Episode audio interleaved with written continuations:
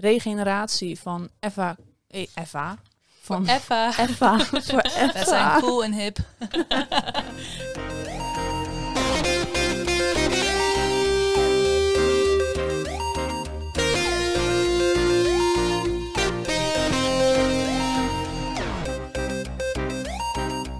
Hoi, leuk dat je luistert naar een nieuwe aflevering van de Paagman Tipt boekenpodcast. Mijn naam is Sascha en ik ben jullie host. En ik ben Brit. Ik werk op de marketingafdeling van Paagman en ben onderdeel van het Boek van de Maand team. Dus schrijf ook iedere aflevering aan. Het is bijna zomervakantie en ben je nou toevallig op zoek naar een nieuw lievelingsboek, dan ben je hier aan het goede adres, want elke eerste vrijdag van de maand tippen onze boekverkopers de meest opvallende, leuke en spannende boeken en kiezen we samen een boek uit dat de titel Boek van de Maand verdient. Ja, dit zijn boeken van debutanten, onbekende buitenlandse auteurs of onontdekt Nederlands talent. eh, en die we graag nog even wat extra in de spotlight willen zetten. Dit kunnen verschillende genres zijn, maar de focus ligt op romans. En vandaag schuift onze keukenprinses Sophie er bij ons aan. Hoi Sophie, Hi. hoe gaat het met je? Ja, supergoed. Net terug van vakantie, dus eh, weer frisse moed er tegenaan. Lekker veel gelezen, dus het ultieme moment om weer aan te schuiven bij jullie. Ja, leuk dat je er weer bent. We hebben je gemist. Ja, en je moet Altijd er nu goed om een, te eh, een vol café voor ons verlaten, hè? want inmiddels zitten er weer eh, vaste gasten aan de tafeltjes. Ja, het is weer even wennen met elkaar, maar het is weer superleuk om in elk geval weer die bedrijvigheid te zien. En eh, vaste gast inderdaad, daar stikt het hiervan. Dus dat is echt superleuk om die allemaal weer te spreken. En ehm Brit, kan jij al iets eh, zeggen over het eh, boek van de maand? Ja, ehm, laten we het gewoon al zeggen inderdaad. We hebben voor de maand juni gekozen voor Regeneratie van Eva Kolen. Maar daar gaan we het straks pas over hebben. Ja, en eh, deze editie gaan we het weer even wat anders doen, hè? want variatie is erg belangrijk natuurlijk. Dus we gaan deze keer twee boeken bespreken die jullie hebben gelezen voor Boek van de Maand. Waaronder dus Regeneratie. En we gaan ook, eh, of Brit en ik, gaan ook zelf nog twee boeken aanraden waar wij, waarvan wij denken dat eh, je het zeker moet lezen deze zomer. Of eh, de winter of de lente. Ja, wanneer je wil. wanneer Ja, je- ik heb altijd met in de zomerperiode, dan zit je zo lekker op een, op een half jaar, heb ik toch even weer behoefte aan andere boeken lezen. Dus Ja. dan eh, fiets ik er soms even een titel of meer tussendoor die we niet ja, als kandidaat voor boek van de maand lezen. Eh, dus afgelopen maand heb ik tussen kunst en cash gelezen en daar ben ik echt ontzettend enthousiast over. Dus daar wil ik heel graag even met jullie over praten. En jij hebt er ook een, toch Sas? Ja, ik heb, eh, nou, een paar maanden geleden heb ik De Hemel is altijd paars gelezen. En ik vond dat, dat is echt nu mijn nummer één favoriete boek. Ik denk dat eh, ik elke Van altijd klant- of van dit jaar? Nou, van dit jaar. En ik heb het echt al aan iedereen waarvan ik dacht, oh, jij bent zo'n liefgevoelig persoon. Ik ga het jou aanraden. En die zijn ook heel enthousiast. Dus daar ga ik het zo over hebben. Maar we beginnen even met het boek Ik ben een eiland van Tamsin Kalidas. En het is uitgegeven door uitgeverij Pluim. Een bekend boek. Ja, ik heb het echt met plezier wel gelezen. Ik moet ook zeggen, ik ben best wel fan van, eh, van Tolkien. En dus boeken die beginnen met een kaart zijn altijd Oh goed. ja. Dus dan bedoel ik echt een eh, landkaart. En dan ben je eigenlijk al gelijk geprikkeld van, oh, die- hier zit al veel meer aandacht in. Want dit gaat duidelijk dus over de omgeving. Ja. Ook was ik gelijk benieuwd naar van een verhaal van iemand eh, die naar een eiland vertrekt. Heftig. Ze is zelfs een eiland. Aparte titel. Was ook wel gelijk prikkelend. Ja. Maar echt een ontzettend intens verhaal. Dus ik begon eigenlijk met het idee van... dit is een zo'n lekker feel-good eh, zomerboek. eh, lekker, oh, we gaan naar een eiland. eh, heerlijk, Wordt heerlijk. dolgelukkig, bla bla. Nou, dan loop je toch wel echt een beetje tegen de muur aan. Want het is een ontzettend ja, heftig, verdrietig verhaal. Waarin je echt helemaal meeleeft met die schrijfster. Je, je woont eigenlijk bijna bij haar in cottage, zou ik willen zeggen. Ja, want het, is, het staat ook voorop, het is een memoir. Het is een Oké, zwaar ja, gebeurd. Zwaar gebeurd, zeker, ja. ja. want ze, ze komt uit Londen. Ze Ja. is een dertiger uit, uit Londen. En ehm, ja, ze besluit haar leven helemaal ehm, om te gooien. Ja. En ehm, ja, besluit dus naar een Schots eiland te verhuizen. Met haar man. Ja, met Ja. haar man. Ja, de hoeveelheid ellende die die vrouw voor de kiezen krijgt, dat is...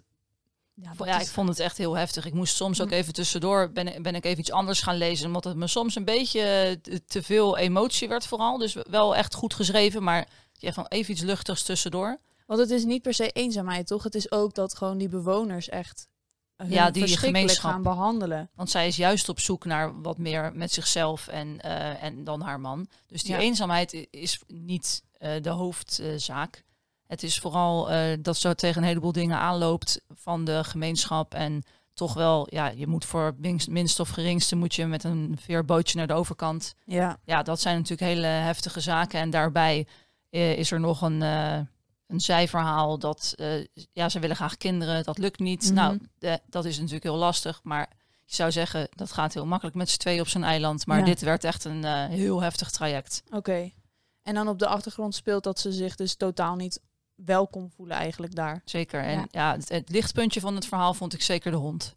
De hond. De hond, ja. de hond is, echt, eh, altijd het lichtpuntje. nee, dit was echt, een- ja, volgens mij, ik wil ook een hond. Nu.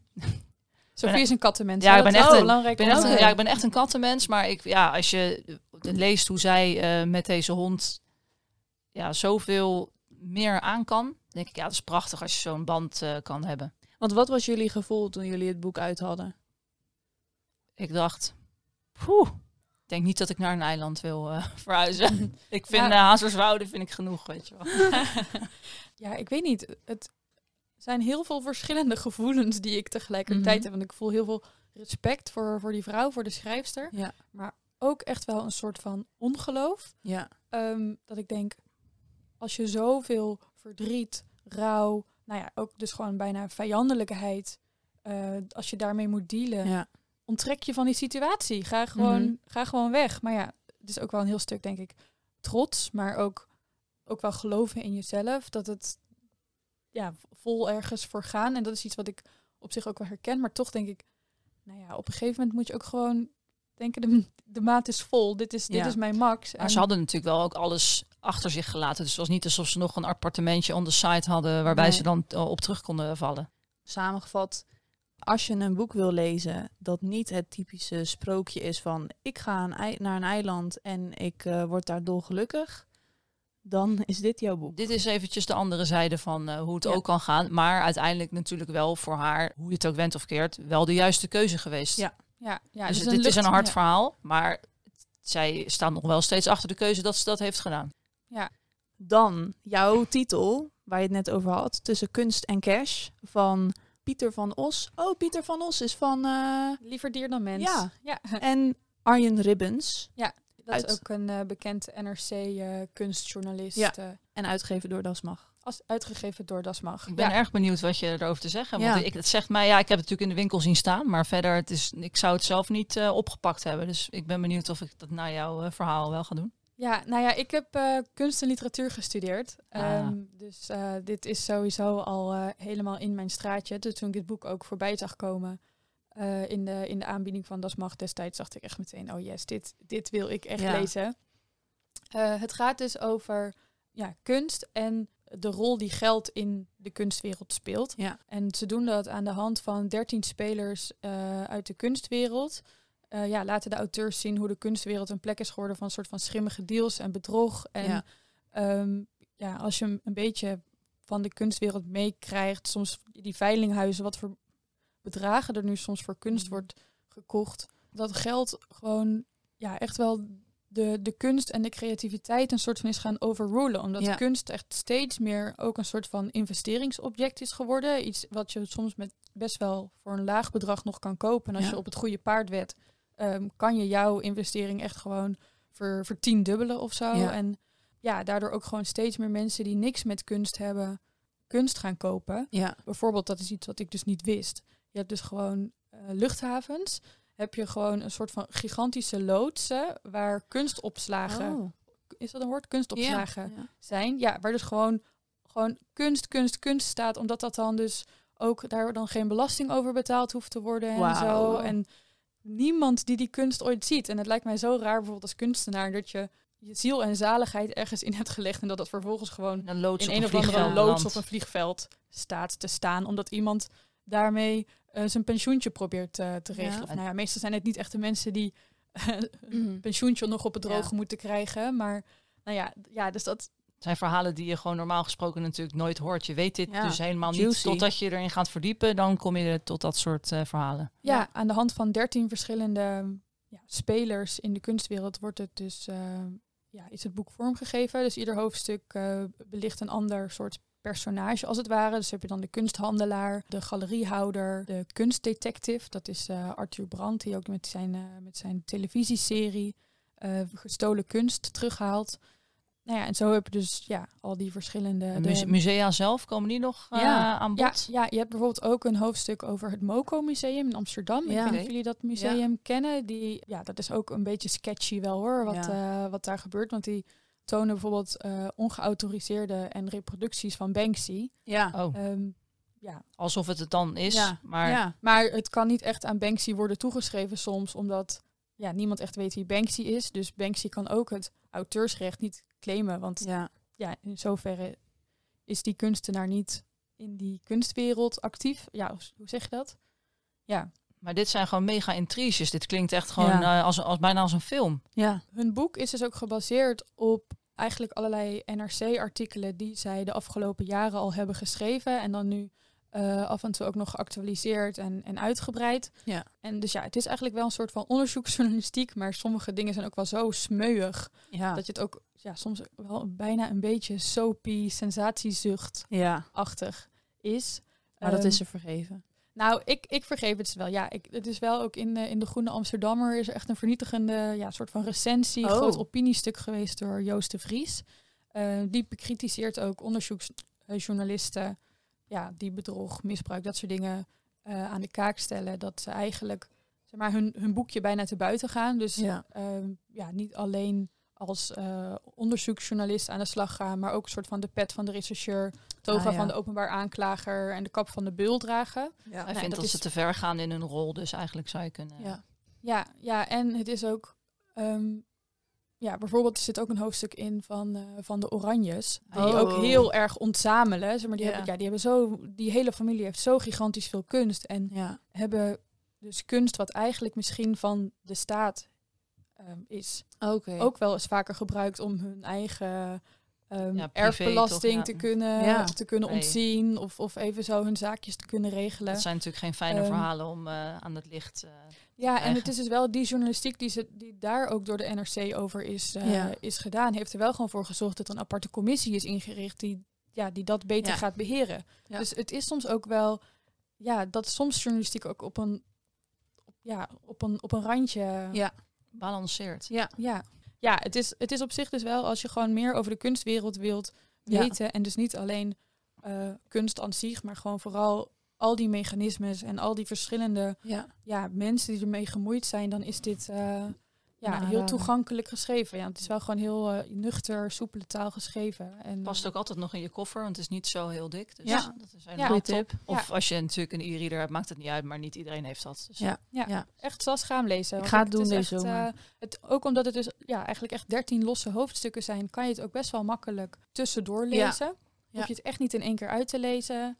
En dan, nou ja, dus het is heel wel soms een beetje een hoog, moet je nou eens horen, Mhm. eh, gehalte. Maar ehm, beetje sensatie mag wel toch op vakantie. Ja, vind ik wel. het, ja, het, het, het maakt het wel heel aantrekkelijk. Aanrader. aanrader voor Dankjewel. mij. Ja. Dankjewel. Maar Sas, je hebt ook een, eh, een aanrader die je deze maand graag eh, Ja. aan wilt dragen. Ja, dat is het boek De Hemel is altijd paars van Cholet Razadeh. En eh, het is uitgegeven door Ambo Antos. Ja, ik weet niet eens waar ik moet beginnen bij dit boek, want ik vind het echt zo prachtige ode aan de gevoelige mens. Het boek gaat over een jonge vrouw uit, eh zij komt uit Iran en zij eh, gaat verhuizen naar Nederland. En ehm, ze gaat eigenlijk weg omdat zij er is iets gebeurd in haar verleden en ze wil dat denk ik achter zich laten en besluit dan om naar Nederland te komen. En opent daar een tweedehands winkel waar ze eh, in contact komt met allemaal mensen die tweedehands spullen aan haar proberen te verkopen. En natuurlijk hele mooie verhalen eh, gekoppeld zijn aan die spullen. Eigenlijk is dat een beetje het plot. En op de achtergrond speelt hoe ze een nieuw leven probeert op te bouwen, maar telkens weer terugkeert naar haar jeugdherinneringen en dan eh, vooral naar haar vader die een opiumverslaving heeft gehad. Ehm, dus dat speelt een beetje op de achtergrond. En het thema wat heel erg naar boven komt is eenzaamheid. En dat, dat, dat ze dat vooral in haar jeugd heeft gehad. En ze had eerst een hele goede band met haar vader. En op een gegeven moment, toen hij verslaafd raakte, is zij de wereld van de boeken binnengegaan, binnen, ja, binnengetreden en hij de wereld van drugs. En zijn ze elkaar eigenlijk helemaal uit het oog verloren. Ja, terwijl ze onder, verschillende kanten. ja, terwijl ze onder hetzelfde dak wonen. En hier in Nederland probeert zij met ons Nederlanders een, een band op te bouwen. Maar wij hebben de tijd en ruimte vaak niet om dan weer een band met iemand op te bouwen. En daar loopt ze heel erg tegenaan. Ehm Klinkt Ja. ook wel een beetje confronterend als je het zo eh, Ja. uitlegt. Ja, nou, ik vond het echt. Het zet, geeft jou ook een beetje een reality check van oké, ik ben nu op een leeftijd waarvan je een beetje het gevoel hebt van oké, nou ik heb hè, steady vrienden, eh, we kennen elkaar al zo lang, dit is het. En daardoor sta je misschien ook niet heel erg meer open voor andere mensen, omdat je je zo focust op de mensen die je al hebt. En dat is eigenlijk best wel zonde, want eh, ik zou graag bevriend willen zijn met iemand zoals zij. Want het is gewoon een vrouw die ook heel mooi naar de natuur kijkt en naar bomen en hoe een boom is iets wat de hele tijd terugkomt. En ik heb zelf niet zoveel met natuur, maar ik vond het heel leuk hoe Ik, dacht zij... echt, ik heb niet zoveel met bomen. Ik- ja, of bomen. Sta- Staan er maar te staan. Dus ze staan, ja, nou, dat is toch een beetje wat je vaak denkt. Maar zij Ja. kijkt op een hele mooie filosof, ja, filosofische manier naar bomen en hoe dat, eh, hoe zij net zoals wij gewoon een leven leiden en eh, ze ook dat vraagstuk test aan de hand van ook een, een klant waar zij dan hele goede band mee heeft, heeft van voor boom is het toch eigenlijk heel zielig, want zij moeten altijd blijven staan en wij kunnen weglopen. Ja. Wij kunnen wegkijken van dingen en dat kan een boom niet. Eh, dus dat, dat soort dingen vond ik gewoon heel waardevol. eh. de grootste vraag die gesteld wordt eigenlijk in het boek, en dat is zowel voor haar jeugd als eh, de mensen die hier ontmoet, ehm, is het dilemma: moet je iemand die weg wil, maar waar je heel veel van houdt, achterna gaan? Of moet je hem juist laten gaan zonder dat je weet waar hij naartoe gaat? En is dat dan ook een les die je nu dan mee hebt genomen uit dat boek? Wat Ja. je probeert toe te passen? Of? Ja, dat, ik denk het wel, want eh, vooral als je ook kijkt naar vriendschappen bijvoorbeeld, van eh, nou op een gegeven moment, of dat je verliefd wordt op iemand en het is niet wederzijds en je doet er alles aan om het te laten werken, maar misschien moet je diegene gewoon laten gaan en is dat uiteindelijk beter voor jou en ook voor die persoon. Dus eh, ja, ik vond het echt, het is gewoon een boek waar ik nog heel vaak over nadenk, waarvan ik ook hele leuke band heb kunnen opbouwen met sommige klanten in Delft Ja. die het boek hebben gelezen. En zeg maar, de mensen die het lezen, die begrijpen dat, dat gevoelige. Dat, dat je in de trein zit en dat je moet huilen en dat niemand iets doet. Want iedereen zit maar op zijn telefoon. En dat, dat, dat, dat- hoe noem je dat, de omroeper dan zegt van excuses voor het ongemak. En dat, je, dat zij zich ook hardop afvraagt, hij weet niet eens wat ongemak is. En niemand hier kijkt op. En dat zijn echt dingen. Ik ben zelf een heel gevoelig persoon. Dan dat ik me dat heel erg aantrek. En dat ik daar echt wel huilend vervolgens in de trein dit boek aan het lezen was. En gewoon, ja, ik vond het echt prachtig. Ik, eh, Oh, raad heftig hoor. Ook wel gaaf dat je het wil delen.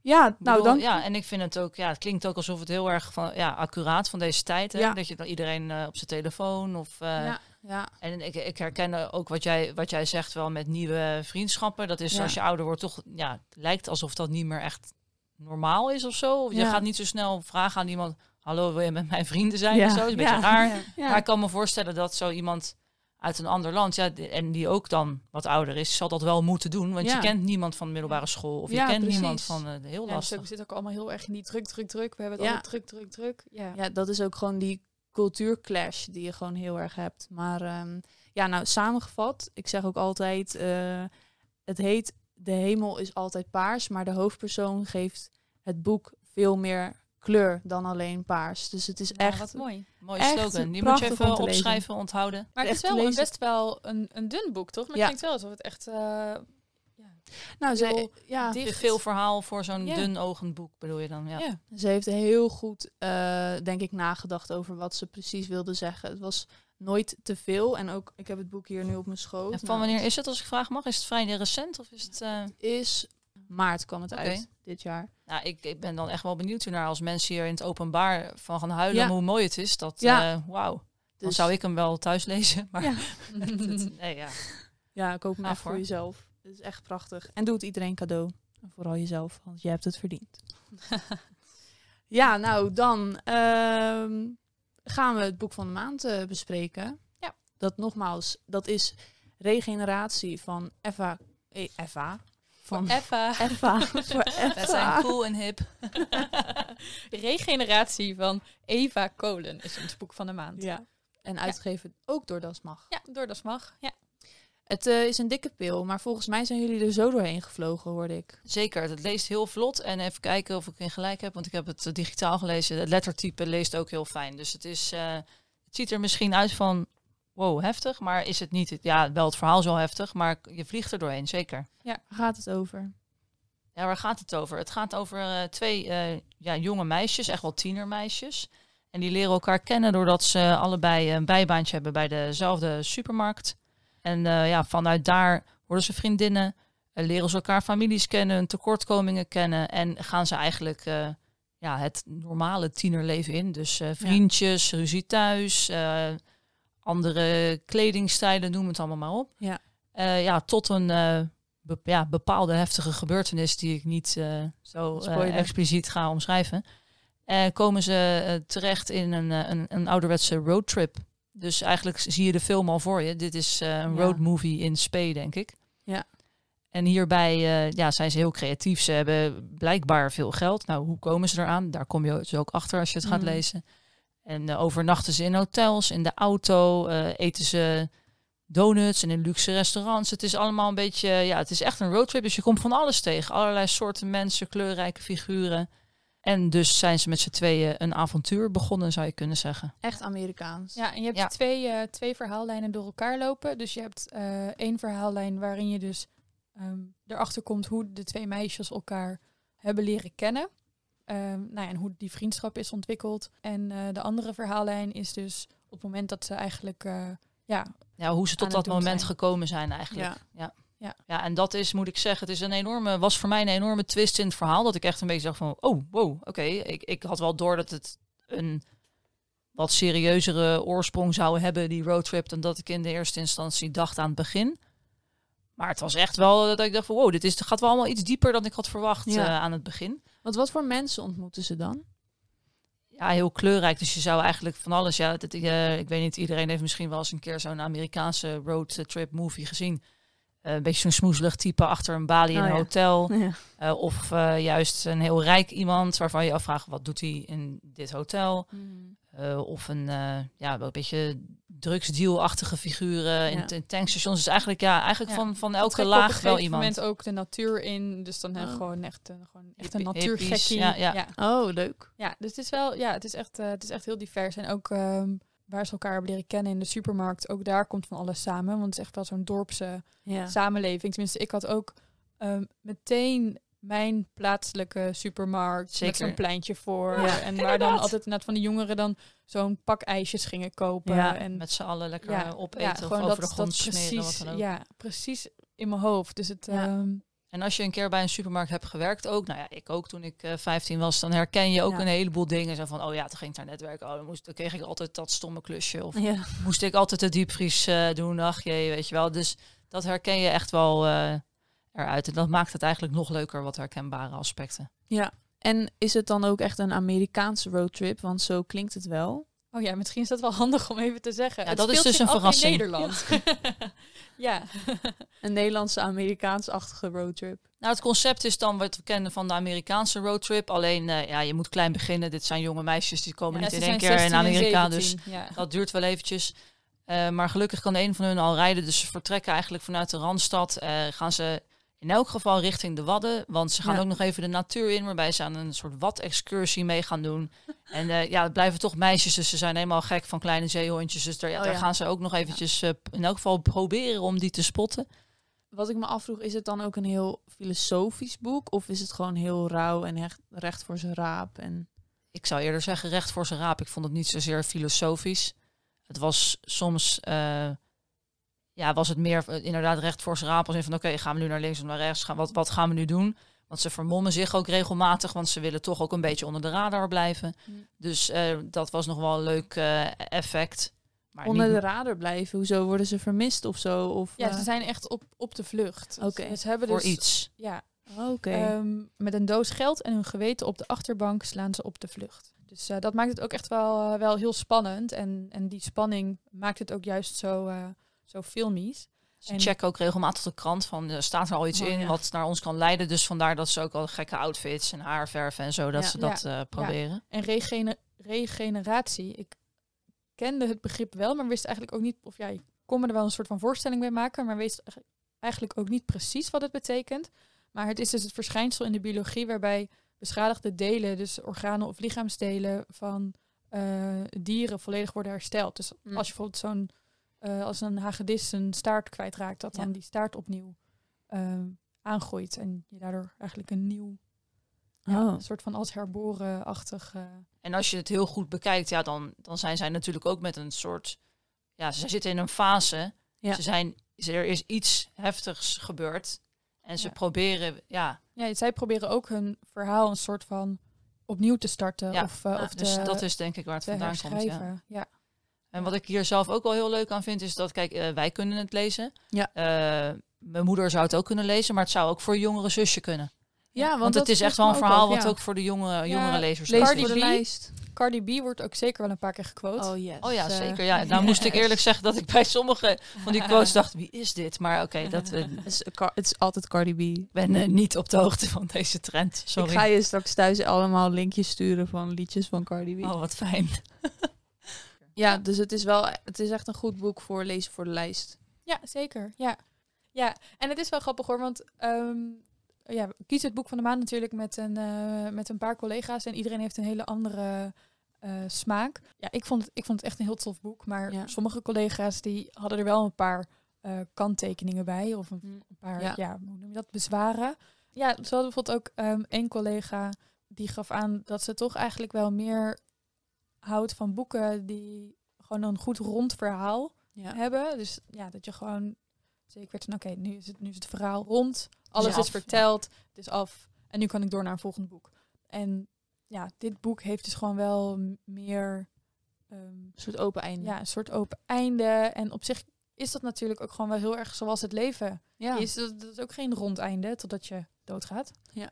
Ehm, en dan misschien niet eens, hè, daar kan je ook nog over filosoferen. Ja. Ehm, dus ja, dat, ik snap wel dat voor sommige mensen dat er dan voor zorgt dat je ehm, een soort van met een onbevredigend gevoel kan Ja. blijven zitten. Maar ik vind dat dus juist bij dit boek echt super goed passen. ja. Eén kleine kanttekening dan. Eén erbij. kleine kanttekening. Ja. Je moet nooit een 10 geven, hè? Altijd een, eh, wat zeggen ze, altijd een 9,5, Nee, 9,8. joh. Oh, daar ben ik het zo niet mee eens. nee, toch 10 Nee, joh. geven? Het Nooit gaat ook- meer ruimte voor verbetering? Ja, nou, weet je, soms kan dat zo zijn met het boek, hè, schrijftechnisch of zo. Maar het gaat, ik vind dat het uiteindelijk om het gevoel draait. Want boeken van vijf jaar geleden kan ik me heel goed het gevoel nog herinneren, maar echt totaal niet meer waar het precies over Nee, ging. En ik nee. denk dat dat altijd overstijgt. Ja. Ja. ja, wat ik ook, als ik nog even weer iets Ja, mag toevoegen. Ja, joh, Ja, ik we zijn gewoon enthousiast over dit boek van de maand. Ja, wat ik dus, echt eh, heel erg cool vind aan dit boek is, normaal ben ik echt wel heel erg van dat show, don't tell. Ja. less is more, weet je, je hoeft niet alles, ehm, ja, alles erin te gooien. Mhm. En ehm, bij dit boek is het juist een beetje eh, anders. Het is heel beeldrijk en Ja. nou ja, dus ook een collega die zei van ja, ik hou niet zo van al die, die bijzinnen en extra, maar voor Ja. mij was dit echt, ehm, maakte dat juist het verhaal compleet. Eh, omdat ja, van die jonge meisjes, die, die letten ook echt op alle details. Ja. Weet je? Dan is het echt belangrijk welke schoenen je draagt, welke kleur die schoenen zijn, welke, eh, van welk merk die schoenen zijn. Ja. Of iemand anders er hetzelfde uitziet als Ja. jij. Of ze naar je kijken, of dat twee seconden is, drie seconden, of meteen weer weg. En Eva Kolen schrijft zelf ook op een gegeven moment in het boek dat die hoofdpersoon dus zegt: Het leek onmogelijk om het echte verhaal van je leven te vertellen. Of je zou echt alles moeten vertellen. Ook wat voor weer het was en wat je die avond gegeten had. En hoe alles een uur eerder nog goed was geweest. Ja. Ja, vind ik mooi. Ik herken dat echt heel erg. Ja. Ja, vooral jongeren. Ik. Dat is ook leuk. Ja. Dat is dan een soort representatie voor jonge lezers en oudere lezers denken, oh ja. Ja, zo was het. Zo was en het het. wordt beter. En het wordt beter. nu liegen we voor het eerst op de podcast. Oh, dat kan het niet. wordt niet beter. maar het is ja, vooral ook omdat, omdat dus die meisjes elkaar leren kennen in echt een hete zomer. Ja, eh, past het gewoon echt ook heel goed als eh, Zomerboek. zomerboek, als boek van de maand juli. Ja. Ja, Sas, onder de streep ga je het lezen. ja. Ja, ja, En ik hou gewoon heel erg van dit, dit soort boeken. Dat, dat past heel erg Het is bij ik paars, hè? En Dat, eh, Oh, ja, en ik ben eh bi. Ja, dat past heel goed bij. Nee, ik doelde op je Nou, ik weet ook, nee, was altijd Ja. paars, maar... Oh eh, ja, Ja, ik doelde zeg maar niet op je seksualiteit, maar op... eh, ik denk, je, je ene boek was paars, dit is ook paars. Dus nogmaals, boek van de maand is voor de maand juli Regeneratie van Eva Kolen. Yes. Ook deze maand willen wij weer ons boek van de maand verloten. En deze keer is dat geworden Lion Tan. Gefeliciteerd. We gaan het boek naar je toesturen, Leon. Ja, en wist je, Sas, inmiddels is dit al onze zesde podcastaflevering die, Ja. we, die we opnemen. En eh, ook komende maand willen we natuurlijk weer het boek van de maand gaan verloten. Ja. En alle luisteraars hebben dus nu al wel kunnen horen wat voor goede boeken wij, eh, wij iedere maand kiezen. Zeker. Dus wil jij nou komende maand ons boek van de maand augustus winnen? Stuur dan een mailtje naar podcast.paagman.nl met je gegevens. En dan, eh, ja, wie weet, hoor je jouw naam de volgende podcast wel. Ja. Wil je meer weten over de boeken die Paagman tipt? Op paagman.nl slash podcast is alles terug te zien of schrijf je in op onze nieuwsbrief. En volg ons natuurlijk ook op onze social media via apenstaartje Paagman. Dat vinden we altijd leuk.